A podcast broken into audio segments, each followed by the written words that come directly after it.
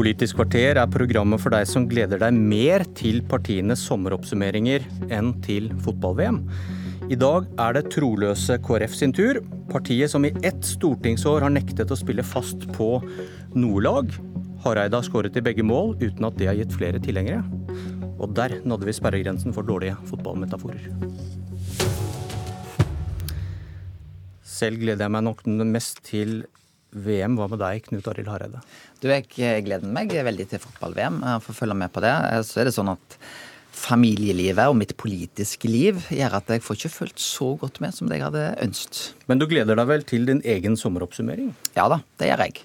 Fordi at eh, det er ikke tvil om at KrF har fått til veldig mye eh, i løpet av denne sesjonen da, fra Stortinget trådte sammen 1.10. Eh, Vi har sikra flere lærere. Vi har hjulpet de foreldra som får syke barn. Nå får de full lønn. Vi har sikra søndagen, eh, vold mot barn. En satsing der vi har fått over 500 millioner på det. Kanskje de er noen av de mest sårbare i vårt samfunn. Hvor, hvorfor har dere mistet velgere siden tidens dårligste valg i fjor da? Ja, Nå ser jeg at i snittet så ligger vi da altså 0,1 under valgresultatet. Nei, det har kommet et nytt, eh, en ny måling på 3,8, så nå ligger dere på fire blank. Ja, det, eh, vi, vi ligger iallfall rundt valgresultatet. Men Det er ikke vi fornøyd med. Men jeg tror likevel at uh, tida etter valget har vært bedre for oss enn det vi opplevde i valgkampen. Jeg tror mange ser hva KrF prioriterer i de sakene vi leverer. Men vent litt, de gjør jo ikke det. Dere har færre velgere nå enn tidenes dårligste valg, marginalt færre. Eh, denne skrytelista, hvorfor eh, du, du, du, påstår at dere har gjort det bedre? Ja, jeg, ja, det har vi gjort. Vi har gjort det bedre etter valget enn vi gjorde i valgkampen. Hvordan måler du det? Ja, Det var fordi at i valgkampen så nådde ikke vi godt nok ut med vårt politiske budskap. Eh, mens etter valget så tror jeg folk har sett hva er det KrF står for i de politiske sakene. Et parti som er veldig tydelig på at vi prioriterer de sårbare, de som trenger det mest i vårt samfunn. Det har vi gjort når vi har nettopp uh, dagpengekuttet som vi fikk fjerna. Vi har økt bistand, ja, der, husbehandling, vi, vi, var der med hvor, hvor, Hvorfor mister du velgere? Ja, Det er nok fordi at Eh, at det tar tid eh, å bygge en eh, tillit etter et dårlig valg. Men jeg syns vi er på vei, og jeg tror òg folk ser et tydeligere politisk parti nå enn de gjorde i valgkampen. Men velgerne forsvinner? Ja, Det er marginalt, og etter et dårlig valg så gjør du det ofte ja. dårligere etterpå. Jeg fikk, jeg, fikk det ikke helt, fikk det ikke helt til å henge sammen at uh, dere er tydeligere, det går bedre, men dere har færre velgere enn uh, tidenes dårligste valg. Men må, jeg, jeg, tror det, jeg, tror det er, naturlig. Når du gjør et dårlig valg, så ser vi ofte at det har en forsterkende effekt. Det hadde det òg for så vidt for vår del. Vi gjorde det dårligere etter valget, så har vi gjort det bedre. Men det er klart at det å ligge rundt 4% det er vi ikke fornøyd med.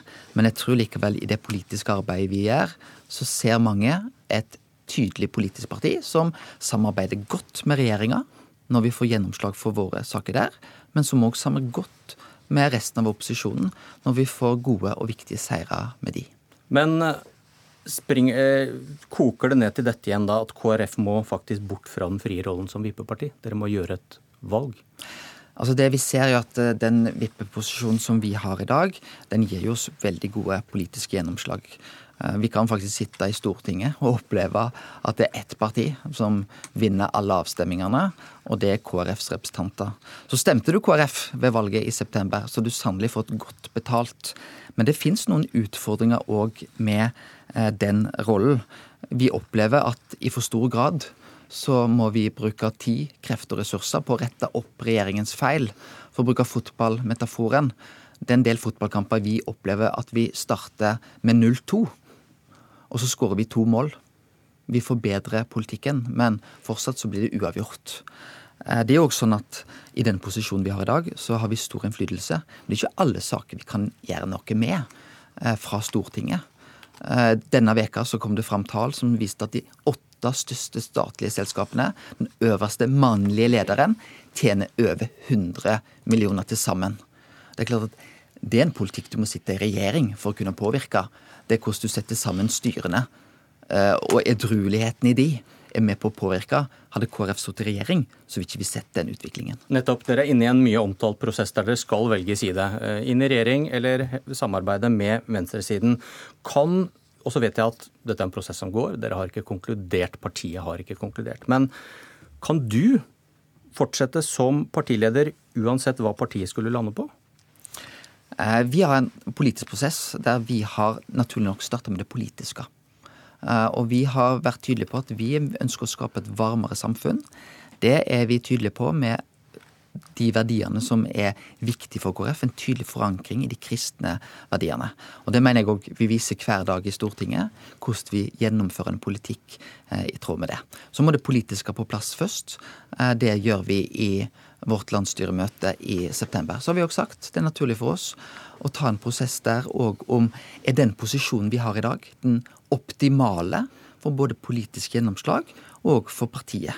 For det er klart at valget i 2017 viste at vi kan ikke være i 2021 der vi var i 2017. Husker du hva jeg spurte om?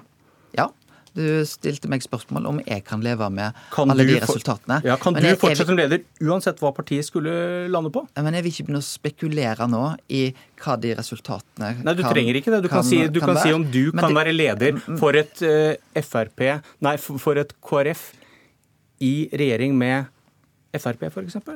Kan du jeg, det? Jeg ønsker å lede KrF framover. Eh, det er en fornøyelse å gå på jobb hver dag, påvirke det politiske Norge på den måten KrF gjør. Og det er min ambisjon. Og så er det min ambisjon om at når KrF trekker våre valg, så skal det være valg som hele KrF kan forstå. Det er ikke sikkert alle vil være helt enig i de konklusjonene vi tar, men jeg håper det kan være en forståelse. Eller ikke du? Eh, det er ikke sikkert jeg heller vil være Eh, vil peke på min drømmeløsning eh, når vi skal finne en, en løsning sammen. Men jeg tror at den løsningen vi kommer fram til, vil jeg stille meg fullt og helt bak. Der svarte du jo på spørsmålet. Du kan være leder i KrF selv om dere går inn i regjering med Frp? Ja, Da eh, var det ikke akkurat det jeg svarte på. Jeg sa at den løsningen vi trekker, den vil jeg stille meg fullt og helt bak. Ok, Om du er leder da, eller går tilbake som menig partimedlem. da. Du, når du ikke vil svare på det, eh, da kan man jo lure på om du kan leve med et av utfallene. da, Fordi du kunne jo svart ja, jeg kan, jeg kan, eh, kan styre partiet uansett. Jeg tenker Det er naturlig at vi har en prosess der vi starter med det politiske. Så har vi også sagt at eh, samarbeidstemaet det vil komme på vår agenda denne høsten. Det vil samme hva være en behov for en avklaring.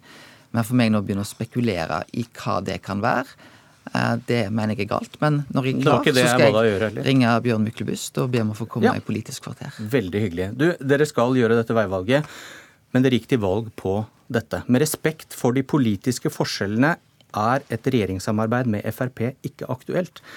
Er dette en garanti som gjelder i fire år?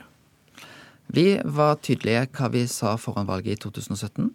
Eh, vi fulgte opp det etter valget. Eh, og vi leverer gode politiske resultat. Eh, men det er naturlig for oss å vurdere hva er riktig for å få best mulig gjennomslag i disse årene.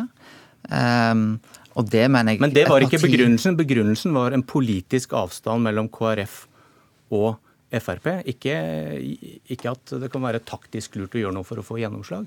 Du lovte velgerne dine med respekt for de politiske forskjellene er et regjeringssamarbeid med Frp ikke aktuelt. Er dette en garanti som gjelder i fire år?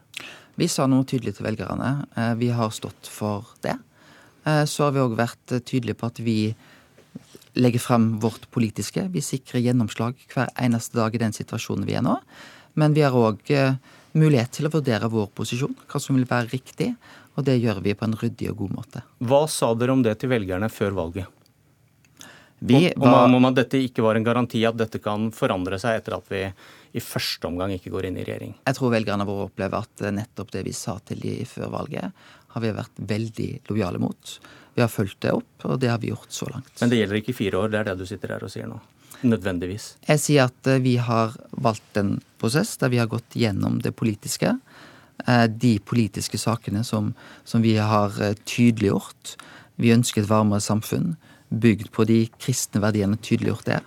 Vi ønsker å kjempe mot et sorteringssamfunn.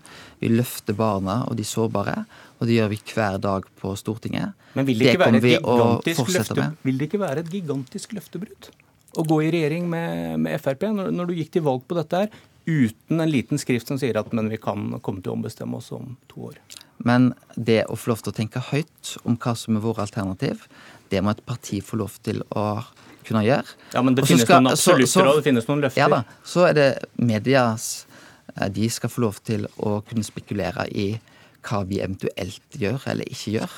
Men det skal ikke KrFs partileder gjøre. Hvilket parti er KrFs hovedmotstander?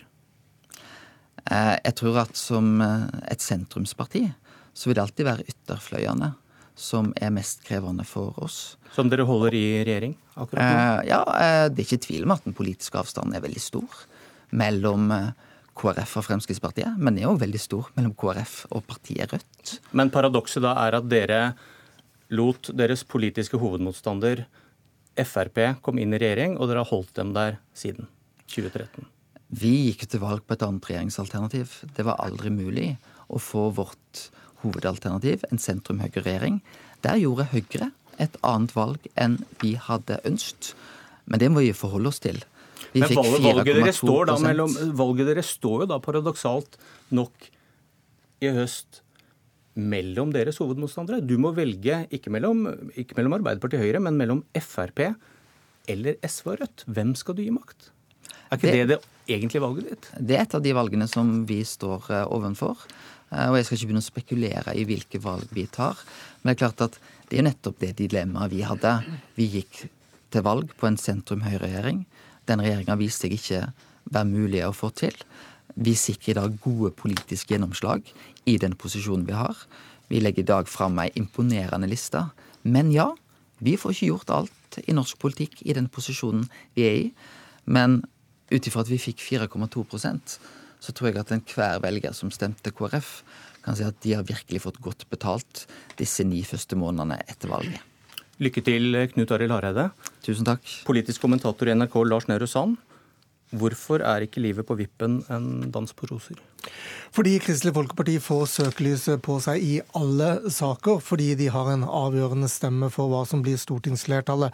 Og Det gjør at eh, KrF ikke selv eier den situasjonen for når de faktisk avgjør ting, eh, og kan gjøre det og lage en rød tråd om barnepolitikk, eh, verdispørsmål eller andre ting, men også blir spurt om forsvarspolitikk eller andre ting som de nok ikke henter like mye stemmer på. I tillegg sitter de ikke i alle komiteer, så det blir et veldig arbeidspress på en, en liten stortingsgruppe som må følge med i hver eneste avstemning i stortingssalen eh, for å sikre regjeringen flertall, eller inngå flertall med opposisjonen. Med denne trøblete og attråverdige vippeposisjonen, hva, hva tror du kan avgjøre hvilken side i norsk politikk Hareide og KrF lander på? Først og fremst eh, hvor de får politiske gjennomslag, eh, selvfølgelig, og hvem som er villig til å, å gi de det. Eh, jeg tror man ser at Venstre fikk mye igjen for å gå inn i regjering og fikk en tydelig pelsdyrseier, f.eks., som det ikke er flertall for i Stortinget. Kunne KrF fått noe tilsvarende på eggdonasjon, så tror jeg det ville vært en tungtveiende begrunnelse for å gå inn i en regjering. Samtidig så er jo KrF avhengig av skimte et vinnerlag. Normalt sett så ville Erna Solberg sin regjering på år 6, 7, 8 dale litt i, popularitet, men jeg tror det forverrer eh, bildet for KrF veldig at Arbeiderpartiets krise ser ut til å vedvare, og at det ikke nødvendigvis er garantert noe, noe seier ved å, å, skulle heie på de eh, i årene som kommer. Og Det gjør også at det kan være krevende for KrF å, å belage seg på at regjeringen blir felt. Eh, altså den sittende nå. Eh, og det kompliserer også hva slags valg eh, Kristelig Folkeparti skal ta. I et parti som gjorde tidenes dårligste valg, og som ikke klarer å finne flere velgere, pleier det å bli en diskusjon om partilederen. Men hva med Hareide? Det er ikke noe diskusjon om hans lederrolle, men det er en eh, utålmodighet om hans lederskap. Eh, det er et eh, stort ønske om at KrF som parti og Knut Arild Hareide som partileder skal evne å ta noen valg, selv om det smerter, og selv om det innebærer å velge noe bort. Og den utålmodigheten kommer til å, å vokse frem til Hareide mener at han selv og partiet er klare og rede til å ta et slikt valg. Takk for analysen, Lars Nehru Sand. Dette var Politisk kvarter. Jeg heter Bjørn Myklebust.